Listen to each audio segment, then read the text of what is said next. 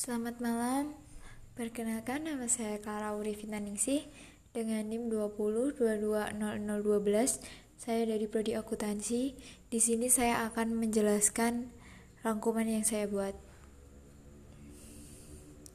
Suatu perusahaan dapat dikatakan memiliki keunggulan kompetitif atau para persaingnya bila mampu mempertahankan laba yang melebihi rata-rata untuk industrinya. Menurut Potter, Porter, ada dua metode utama untuk memperoleh keunggulan kompetitif, yaitu keunggulan biaya dan keunggulan diferensiasi.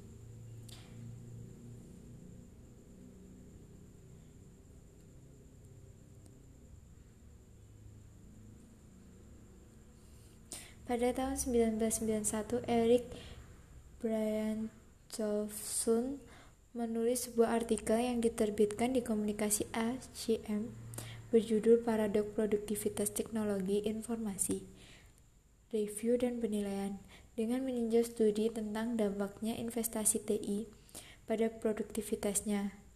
Brian Johnson dapat menyimpulkan bahwa penambahan teknologi informasi ke bisnis tidak meningkatkan produktivitas sama sekali. Pada tahun 2003,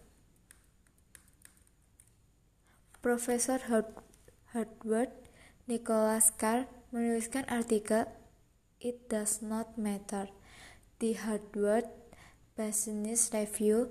Dalam artikel ini, Carr menegaskan bahwa teknologi informasi telah menjadi lebih di mana-mana itu juga menjadi kurang perbedaan. Dengan kata lain, karena teknologi informasi tersedia dengan sangat mudah dan perangkat lunak yang digunakan dengan mudah ditiru, bisnis tidak dapat berharap untuk mengimplementasi alat-alat ini untuk memberikan keunggulan kompetitif apa pun. Menggunakan teknologi listrik kan menjelaskan bagaimana perusahaan tidak boleh menjadi yang pertama, mencoba teknologi baru. Dengan demikian, membiarkan orang lain mengambil resiko. Manajemen TI harus melihat diri mereka sendiri sebagai utilitas dalam perusahaan dan berupaya menekan biaya untuk IT, memberikan layanan terbaik dengan downtime minimal ada tujuannya. Dalam dalam bukunya, Potter menjelaskan dengan tepat bagaimana sebuah perusahaan dapat menciptakan nilai dan juga keuntungan. Aktivitas yang dilakukan oleh perusahaan untuk menghasilkan produk dan jasa, setiap langkah dalam rantai nilai berkontribusi pada nilai keseluruhan suatu produk dan layanan. Rantai nilai terdiri dari dua rangkaian aktivitas utama dan aktivitas pendukung.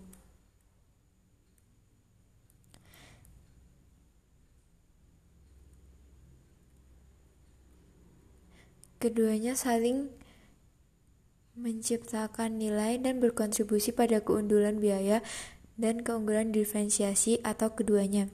Sistem informasi strategi yaitu sistem informasi yang dirancang secara khusus untuk mengimplementasi strategi organisasi yang dimaksud untuk memberikan keunggulan kompetitif.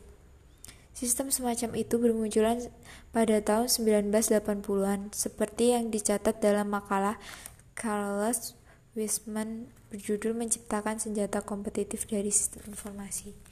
Demikian rangkuman yang saya buat. Terima kasih dan selamat malam.